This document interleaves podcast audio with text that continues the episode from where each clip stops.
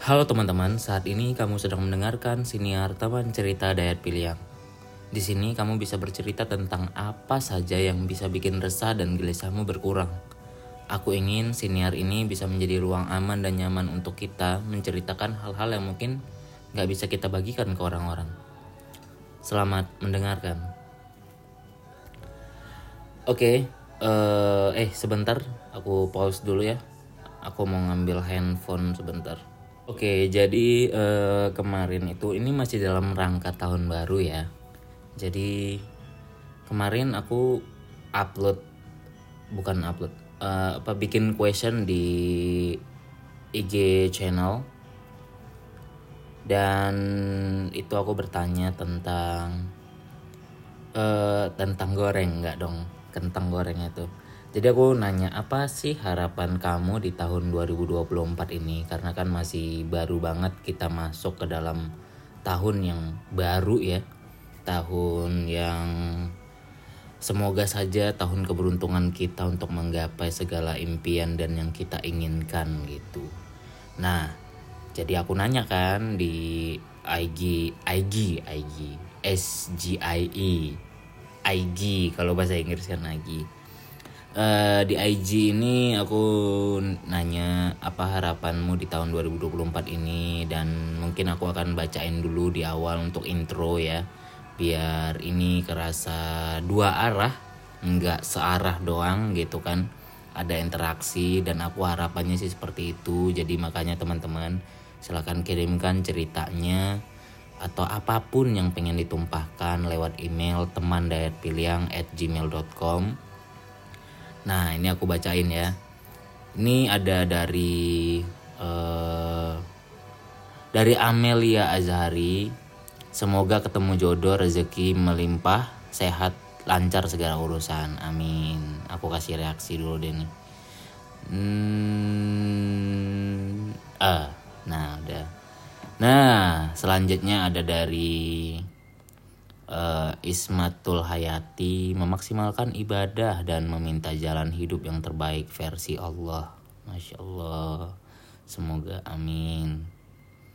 Nah selanjutnya ada dari Tania Me, eh, Tan, Tani Ameliani.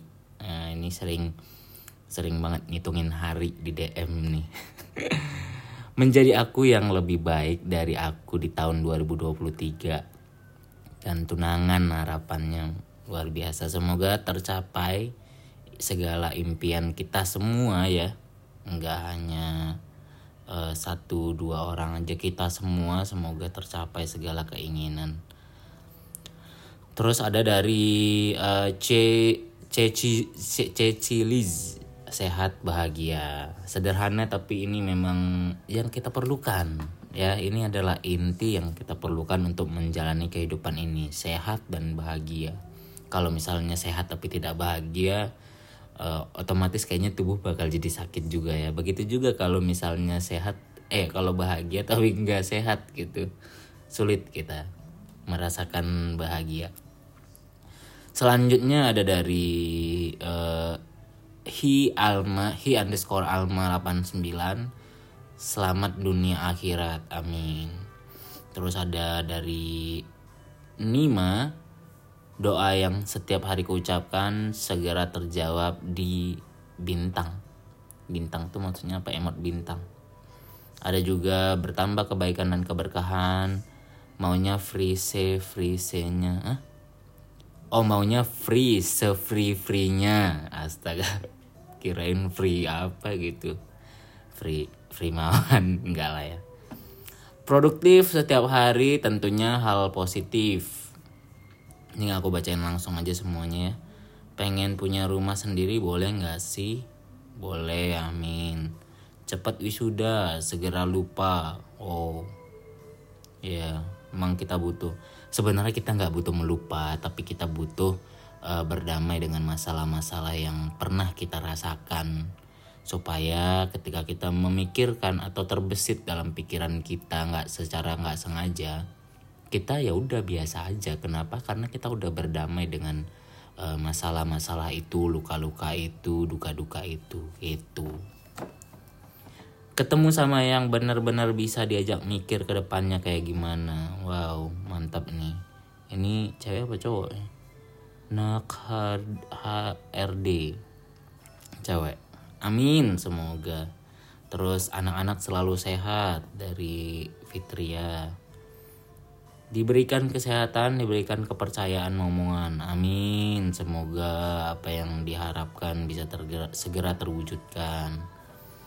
Kelancaran karir semakin baik dan dipertama dan dipertemukan dengan jodoh yang baik dalam segala hal. Amin. Menikah dan hidup bahagia. Hubungan aku baik, eh hubungan aku dan abang baik-baik saja dan kembali lagi seperti dulu. Oh, berharap hubungan sama abang-abangnya baik-baik saja. Bisa kerja menemukan kebahagiaanku dan lebih baik dari tahun sebelumnya, amin. Diberikan rasa sabar yang lebih luas lagi, ya Allah, amin. Terus naik pesawat terbang dari Riku. Semoga bisa naik pesawat terbang yang sebenarnya nggak perlu jauh-jauh kalau pengen naik pesawat terbang ya. Kalau misalnya di Jakarta eh, ke Lampung kayaknya murah itu. Terus kalau misalnya cari yang terdekat penerbangan terdekat aja kalau pengen sekedar cuma naik pesawat terbang doang ya. Tapi kalau pengen liburan ada tujuannya beda cerita gitu. Ibadah umroh dari Nova Nurul amin. Punya usaha catering sendiri untuk masa depan anak-anak masya Allah. Pemikirannya panjang banget luar biasa semoga amin. Nikah. Sederhana banget. Nikah gitu doang. Dari Hesti Hestinti. Terus dapat restu orang tua. Masya Allah. Dari Tewi. Ingin tenang dan tetap waras. Dari Irma. Hatinya kosong sampai aku punya kesempatan buat isi basmol apa itu? Tetap hidup. Amin. Menikah sama teman dari kecil. Harapannya ya ya ya teman tapi menikah ya. Oke itu aja yang sudah menjawab question apa harapanmu di tahun 2024 ini. Oke uh, next kita akan membacakan satu cerita yang sudah masuk lewat email. Sebenarnya intro apa ya? Nggak ada intro sih aku juga bingung. Oh iya aku pengen cerita aja sedikit. Kemarin tuh aku akhirnya bertemu dengan teman yang sudah tidak sudah lama tidak berjumpa teman dari Jakarta. Dia liburan ke Bali dengan pacarnya. Akhirnya kami bertemu dan berbincang cukup panjang di tepi pantai double six double six itu ya jadi banyak hal yang kami obrolkan masalah uh, personal tentang cerita-cerita personal kami gitu kan.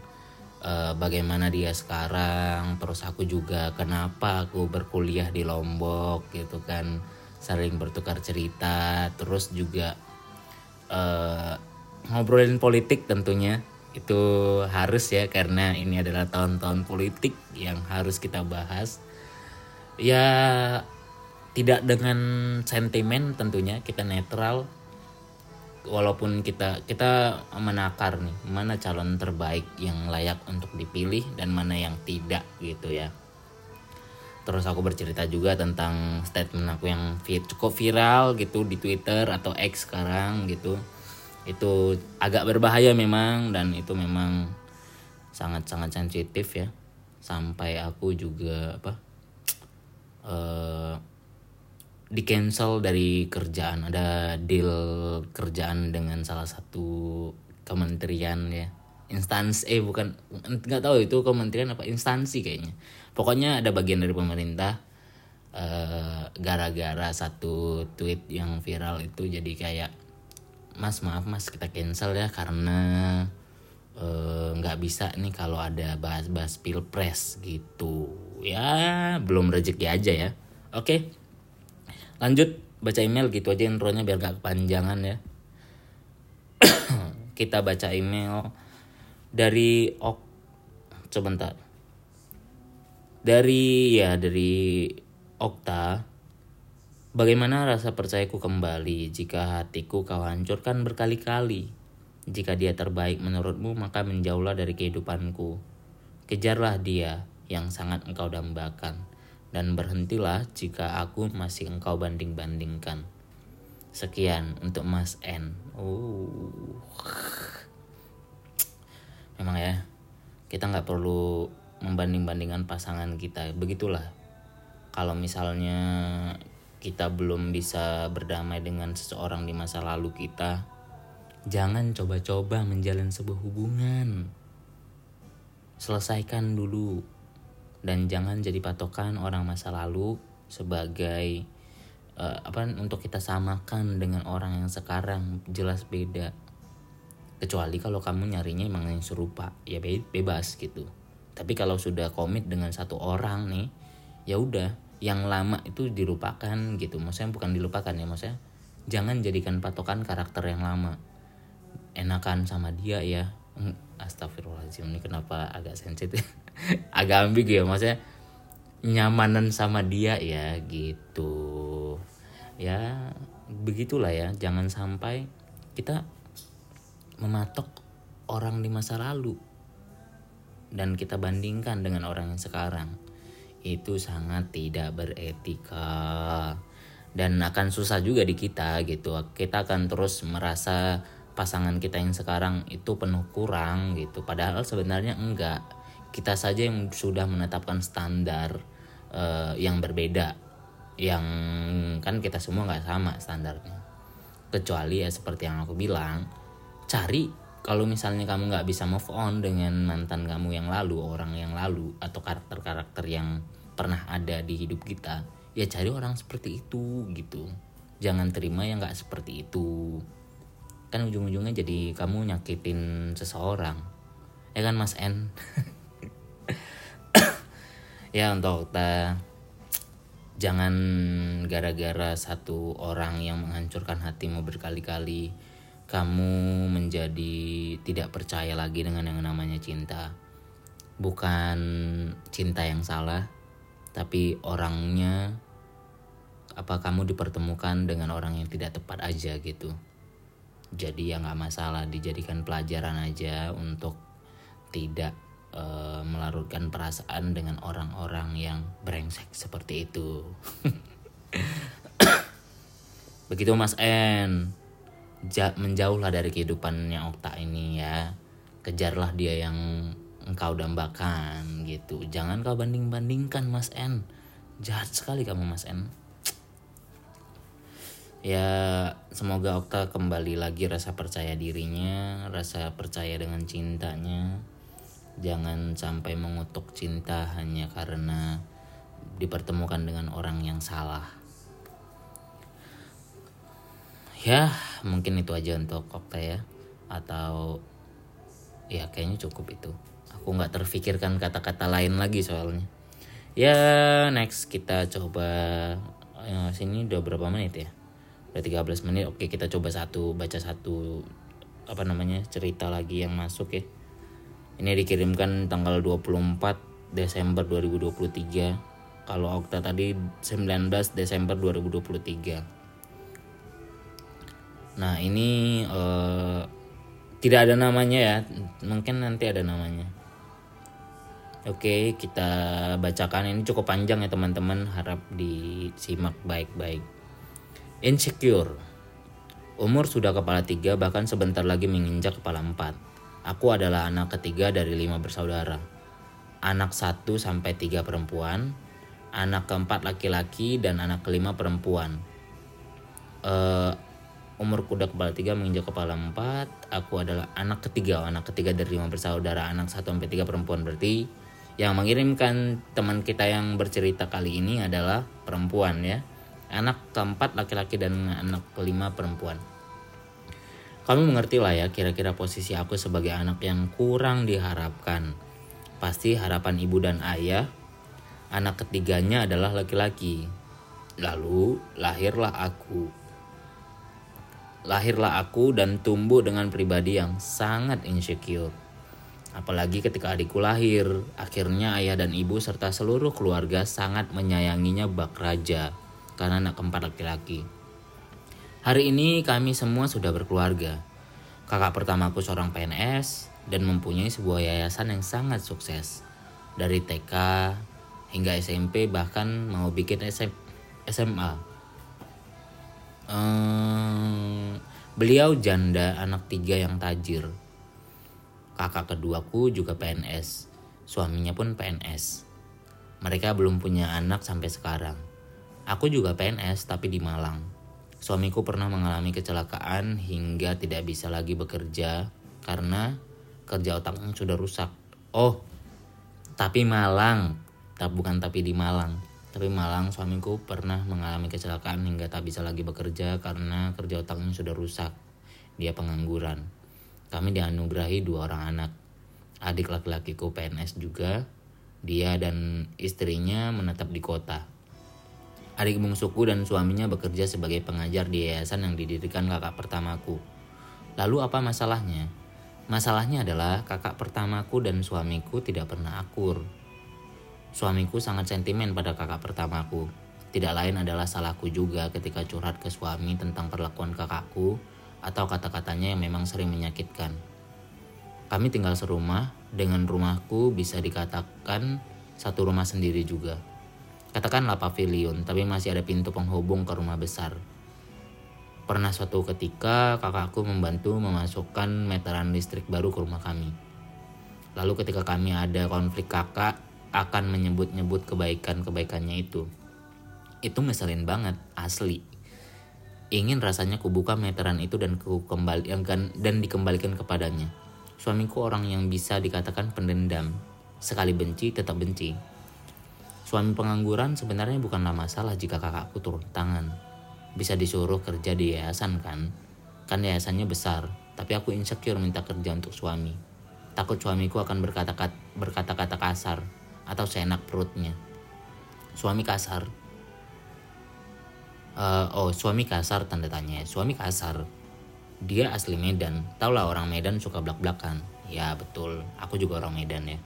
Jadi bukan kasar tapi lebih ke apa ya kita emang belak belakan aja tapi beda ya kayaknya aku bukan nggak bisa dikatakan orang Medan banget karena suka nggak enakan gitu aku juga insecure jika sering dikasih uang oleh kakak untuk membantu meringankan beban yang semuanya aku yang nanggung aku takut setelah dibantu lalu dikata-katai suami orang yang kerja keras eh suami orang yang keras kepala karena faktor kecelakaan mungkin sering bikin masalah dengan guru-guru yang bekerja di yayasan gara-gara parkir motor sembarang atau tidak menutup kembali pagar setelah dibuka.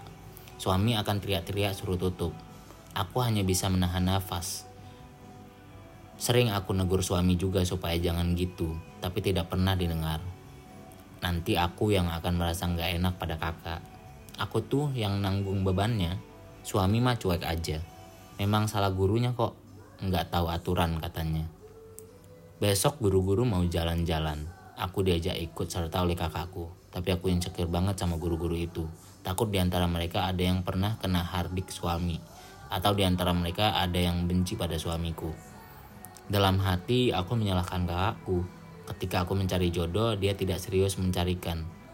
Akhirnya jodohku adalah pilihan orang tua. Akibatnya dia juga yang rasain. Pernah juga aku pengen curhat pada kakakku itu pengen cerai tapi beliau juga melarang. Jadi aku harus apa sih, dek? Maaf dek, ini di ini aku di luar jangkauan banget curhat sama adik-adik yang tak paham masalah pernikahan.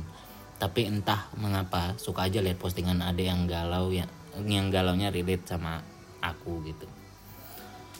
Uh, ya di sini nggak ada apa namanya namanya ya berarti berarti ini harus dirahasiakan ya teman-teman ya.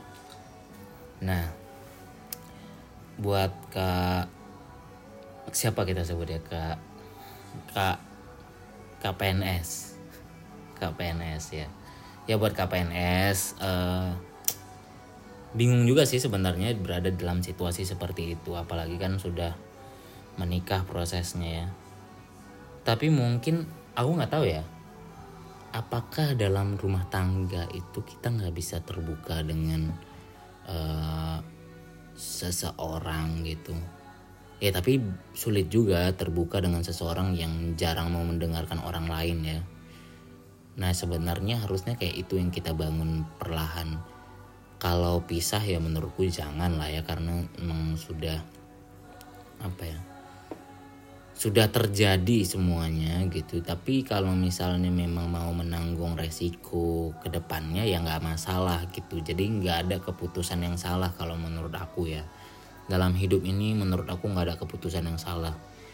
Seberani apa pun keputusan itu diambil se apa namanya orang-orang mungkin yang nggak akan kebayang mengambil keputusan itu gitu kan. Karena saking wownya keputusan itu nggak ada yang salah tetap. Selama kita udah bisa menanggung resikonya misalnya oke okay, kita pisah.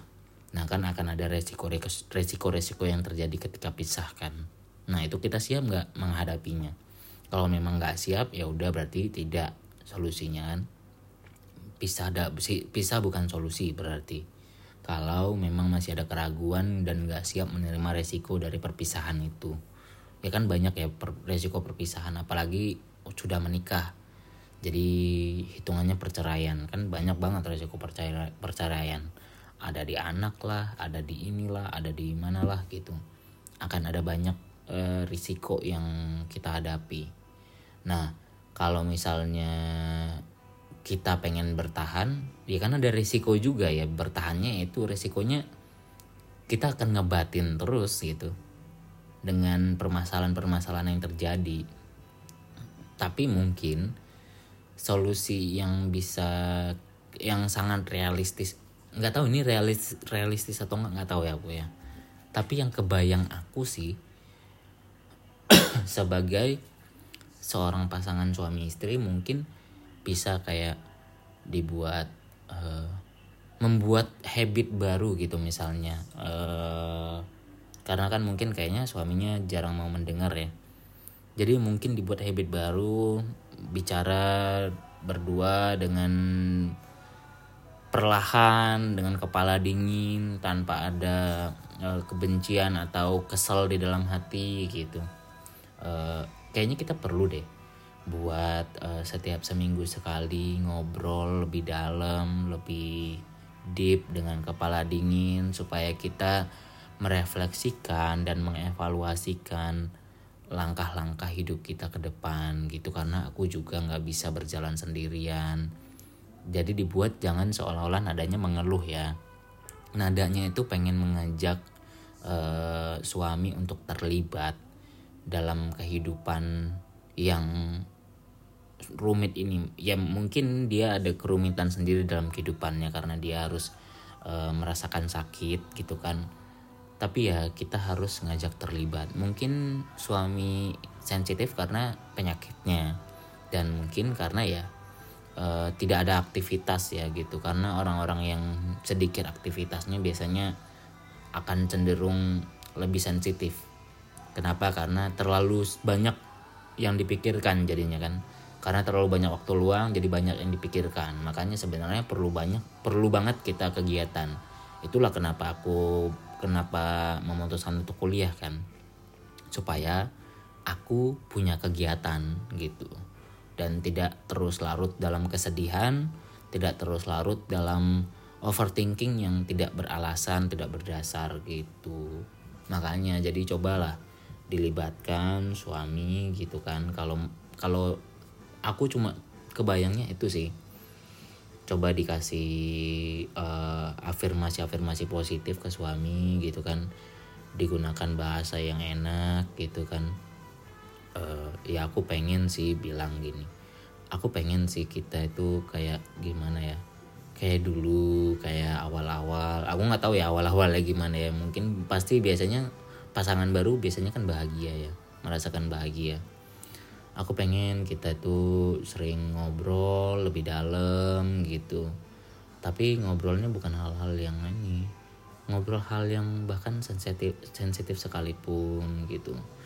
Supaya aku bisa kuat terus ngejalanin hari-hari gitu. Karena aku jujur kayak ngerasa hampa belakangan ini. Kayak ngerasa mulai kehilangan arah gitu. Sebenarnya kita mau ke mana ya gitu apa yang mau kita lakukan. Kayaknya kita harus menetapkan tujuan baru deh untuk hidup kita untuk keluarga kita gitu kan keluarga kecil kita. Kita maunya gimana gitu. Aku perlu ada pikiran-pikiran yang terlibat untuk kita diskusikan bersama-sama supaya kita baik langkah ke depannya gitu. Itu sih kayaknya ya kalau menurut aku ya. Tapi aku juga nggak tahu karakter suami yang gimana banget gitu. Iya memang orang Medan karakternya keras gitu. Tapi uh, ada beberapa orang Medan yang bukan orang Medan ya semua orang kayaknya ada. Ada beberapa orang yang uh, kalau ditegur dia marah gitu. Bahkan ditegur dengan cara halus sekalipun kayak buahnya tersinggung aja. Nah nggak semua orang Medan kayak gitu itu dia. Jadi kan itu masalah watak orang. Jadi aku nggak bisa apakah bisa nggak ya diajak bicara gitu. Harusnya sih bisa sebagai pasangan kan. Tapi nggak tahu juga nggak ngerti juga uh, bagaimana rencana itu bisa berjalan dengan baik gitu. Saran itu bisa berjalan dengan baik. Sejauh ini sih itu yang kepikiran. Tapi nggak tahu juga memang waduh tadi terputus maaf. Memang ya itulah. Mau nggak mau kita apa ya? Kalau menurut aku memang menjadi pasangan itu harus terbuka satu sama lain ya. Terbuka dalam banyak hal gitu. Nggak hanya ya ya namanya udah pasangan ya suami istri pasti kita terbuka bahkan dari secara harfiah juga ya terbuka fisik gitu kan. Bahkan terbuka untuk bicara hal-hal yang sensitif sekalipun gitu. Itu kan definisi menurutku ketika kita sudah ber, apa menjadi sepasang suami istri gitu ya. Pasangan suami istri itu halal kan gitu kan. Legal semuanya itu ketika kita membuka pakaian kita di depan suami istri ya itu kan sebenarnya filosofisnya ya kita sudah mem bisa membuka segalanya di depan pasangan kita gitu. Bahkan untuk hal-hal yang nggak bisa kita ceritakan ke orang. Kan itu harusnya ya menurut aku ya. Makanya kita perlu selektif lebih keras lagi apa selektif lebih keras lagi. Kita harus lebih selektif lagi untuk mencari pasangan gitu harus cari yang benar-benar cocok dan kita bisa nggak terbuka nih sama nih orang. Untuk semua hal gitu untuk segalanya. Nggak hanya pakaian saja yang terbuka tapi dari segi obrolan pun bisa sesuka apa pun kita ngobrolin apa pun gitu. Itu dia sebenarnya. Makanya sebenarnya uh, itu itu bukan bukan bakat sih bukan karakter. Memang karakter ada karakter yang bisa seperti itu. Tapi kan itu harus dilatih. Makanya sebenarnya uh, kajian-kajian pranikah ya atau ya sebelum menikah kayaknya ada lah kajian-kajian pranikah atau ilmu-ilmu sebelum menikah. Itu kan biasa dikasih ya.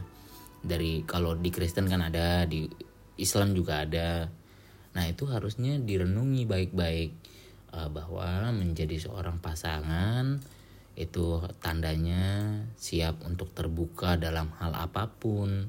Nggak boleh salah satunya memendam sendirian saja gitu loh. Nggak boleh uh, ada satu anggota keluarga pasangan atau keluarga gitu ya merasa dia menjalani hidup sendirian. Itulah menjadi pasangan harus saling peka satu sama lain nggak perlu peka menjadi untuk banyak orang. Minimal peka untuk pasangan kita untuk keluarga kita.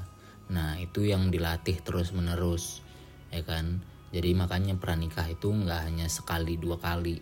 Harus rutin terus terusan biar masuk ke dalam alam bawah sadar gitu.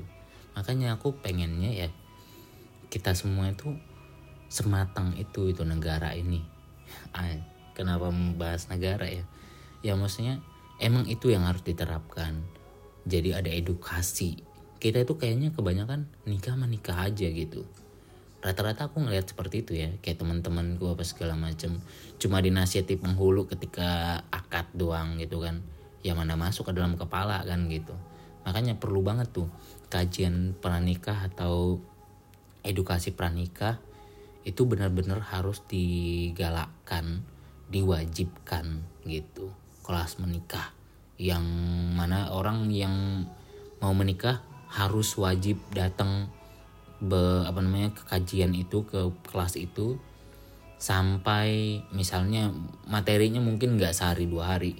Terus-terusan misalnya ada dalam jangka waktu mungkin tiga bulan lah gitu. Ya disiapkan aja kurikulumnya ya gitu. Itu supaya kita terus mengingat apa aja sih kewajiban uh, sebagai seorang suami istri gitu.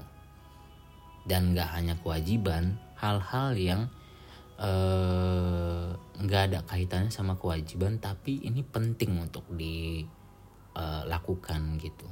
Ya kan terbuka dalam obrolan memang nggak ada kewajiban kan tapi kan ini harus dijalankan supaya demi kelancaran hubungan gitu kan biar ketika ada masalah masalahnya itu nggak cerita keluar tapi di kita kita aja gitu. Makanya itu kalau bertengkar itu nggak perlu sampai orang tahu harusnya. Bertengkar tuh cukup.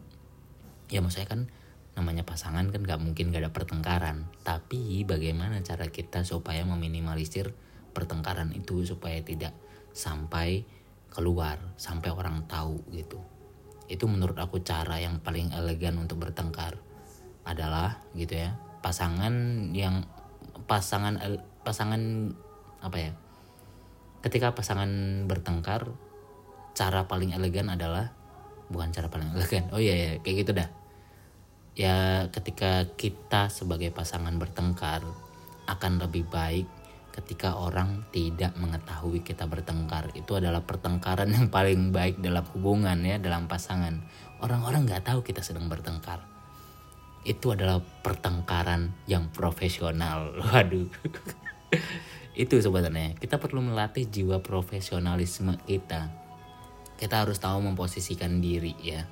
Ketika kita misalnya lagi marah, bagaimana sikap kita di depan umum ketika sama pasangan kita? Itu kan harus kita jaga gitu kan. Jangan sampai orang-orang tahu kita lagi bertengkar gitu. Nah, begitu. Pengennya sih gitu. Itu itu mungkin semacam utopia ya kayak apa? Hal-hal yang uh, terlalu indah untuk menjadi realita gitu tapi ini sebenarnya nggak terlalu indah untuk menjadi realita. Ini gampang sebenarnya selama kita mau saling menjaga itu. Karena itu seder uh, sederhana banget sebenarnya. Iya sederhana banget ya kan. Kita cuma cukup saling menjaga itu dia. Dan kita harus terus latihan mengevaluasi supaya kita tetap berada di jalan itu. Dan tidak pernah bosan untuk menjadi orang seperti itu. Itu sih menurut aku ya.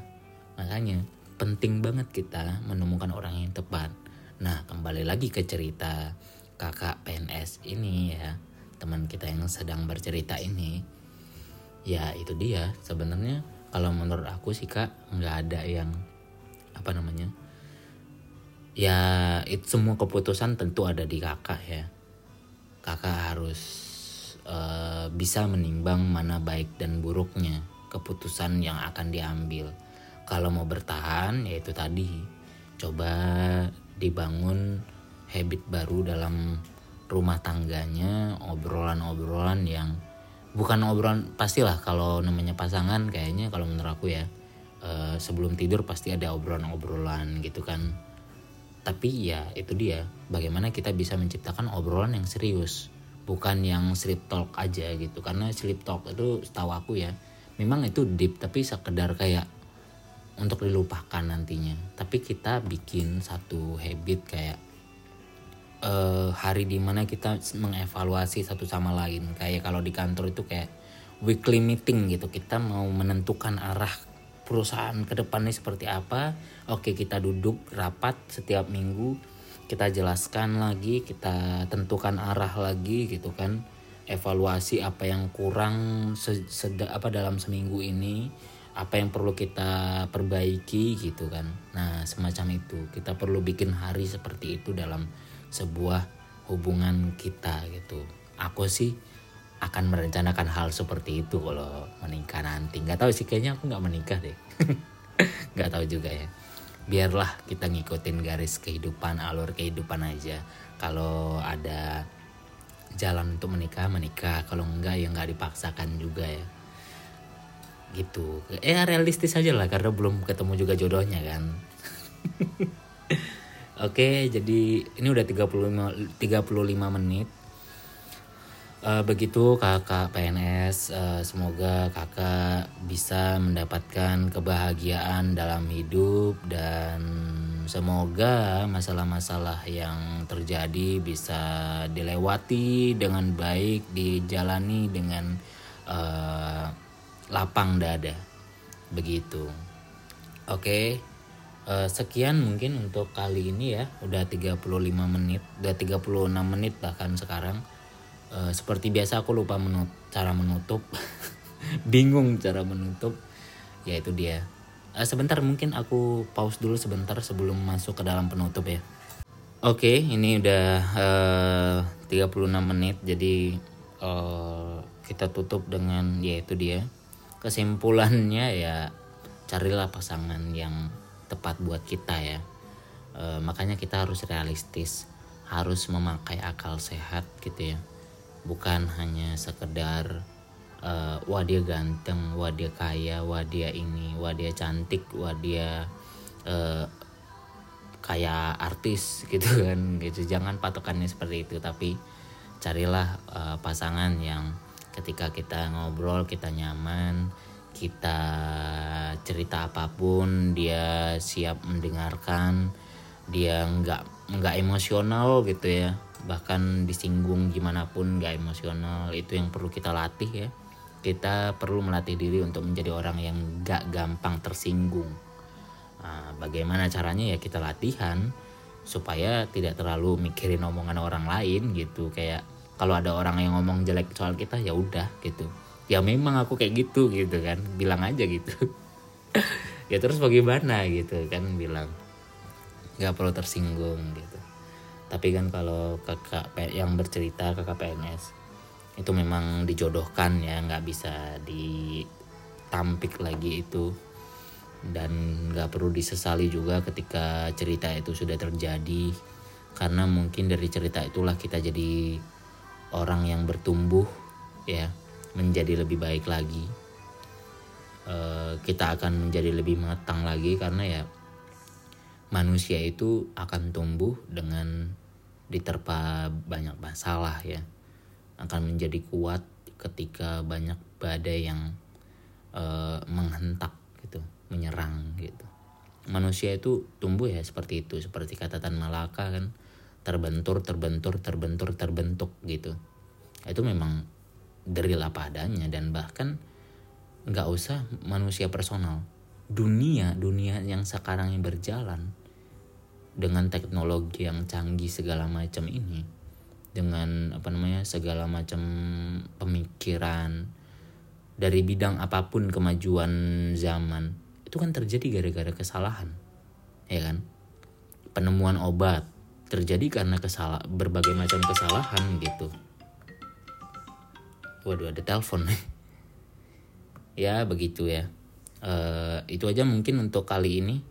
Uh, pengennya ini akan terus konsisten makanya teman-teman kirimkan aja ceritanya. Kalaupun gak ada cerita nggak apa-apa. Silakan dengarkan uh, senior ini ketika kamu lagi sendiri kamu lagi bosan kamu lagi butuh suara-suara di keheningan uh, ruangan ya gitu. Silakan dengarkan saja. Oke uh, sekian untuk uh, kali ini. Semoga teman-teman bisa mendapatkan hal-hal yang indah hal-hal yang baik di tahun ini. Dan selamat beraktivitas untuk kamu yang mendengarkannya sore pagi siang atau sore. Ya maksudnya selamat beraktivitas untuk kamu yang sedang menjalankan aktivitas baik itu malam hari ya. Uh, selamat tidur, selamat istirahat untuk kamu yang emang lagi istirahat. Semoga banyak hal-hal baik yang terjadi dalam hidup kita. Ditutup dengan tut dah.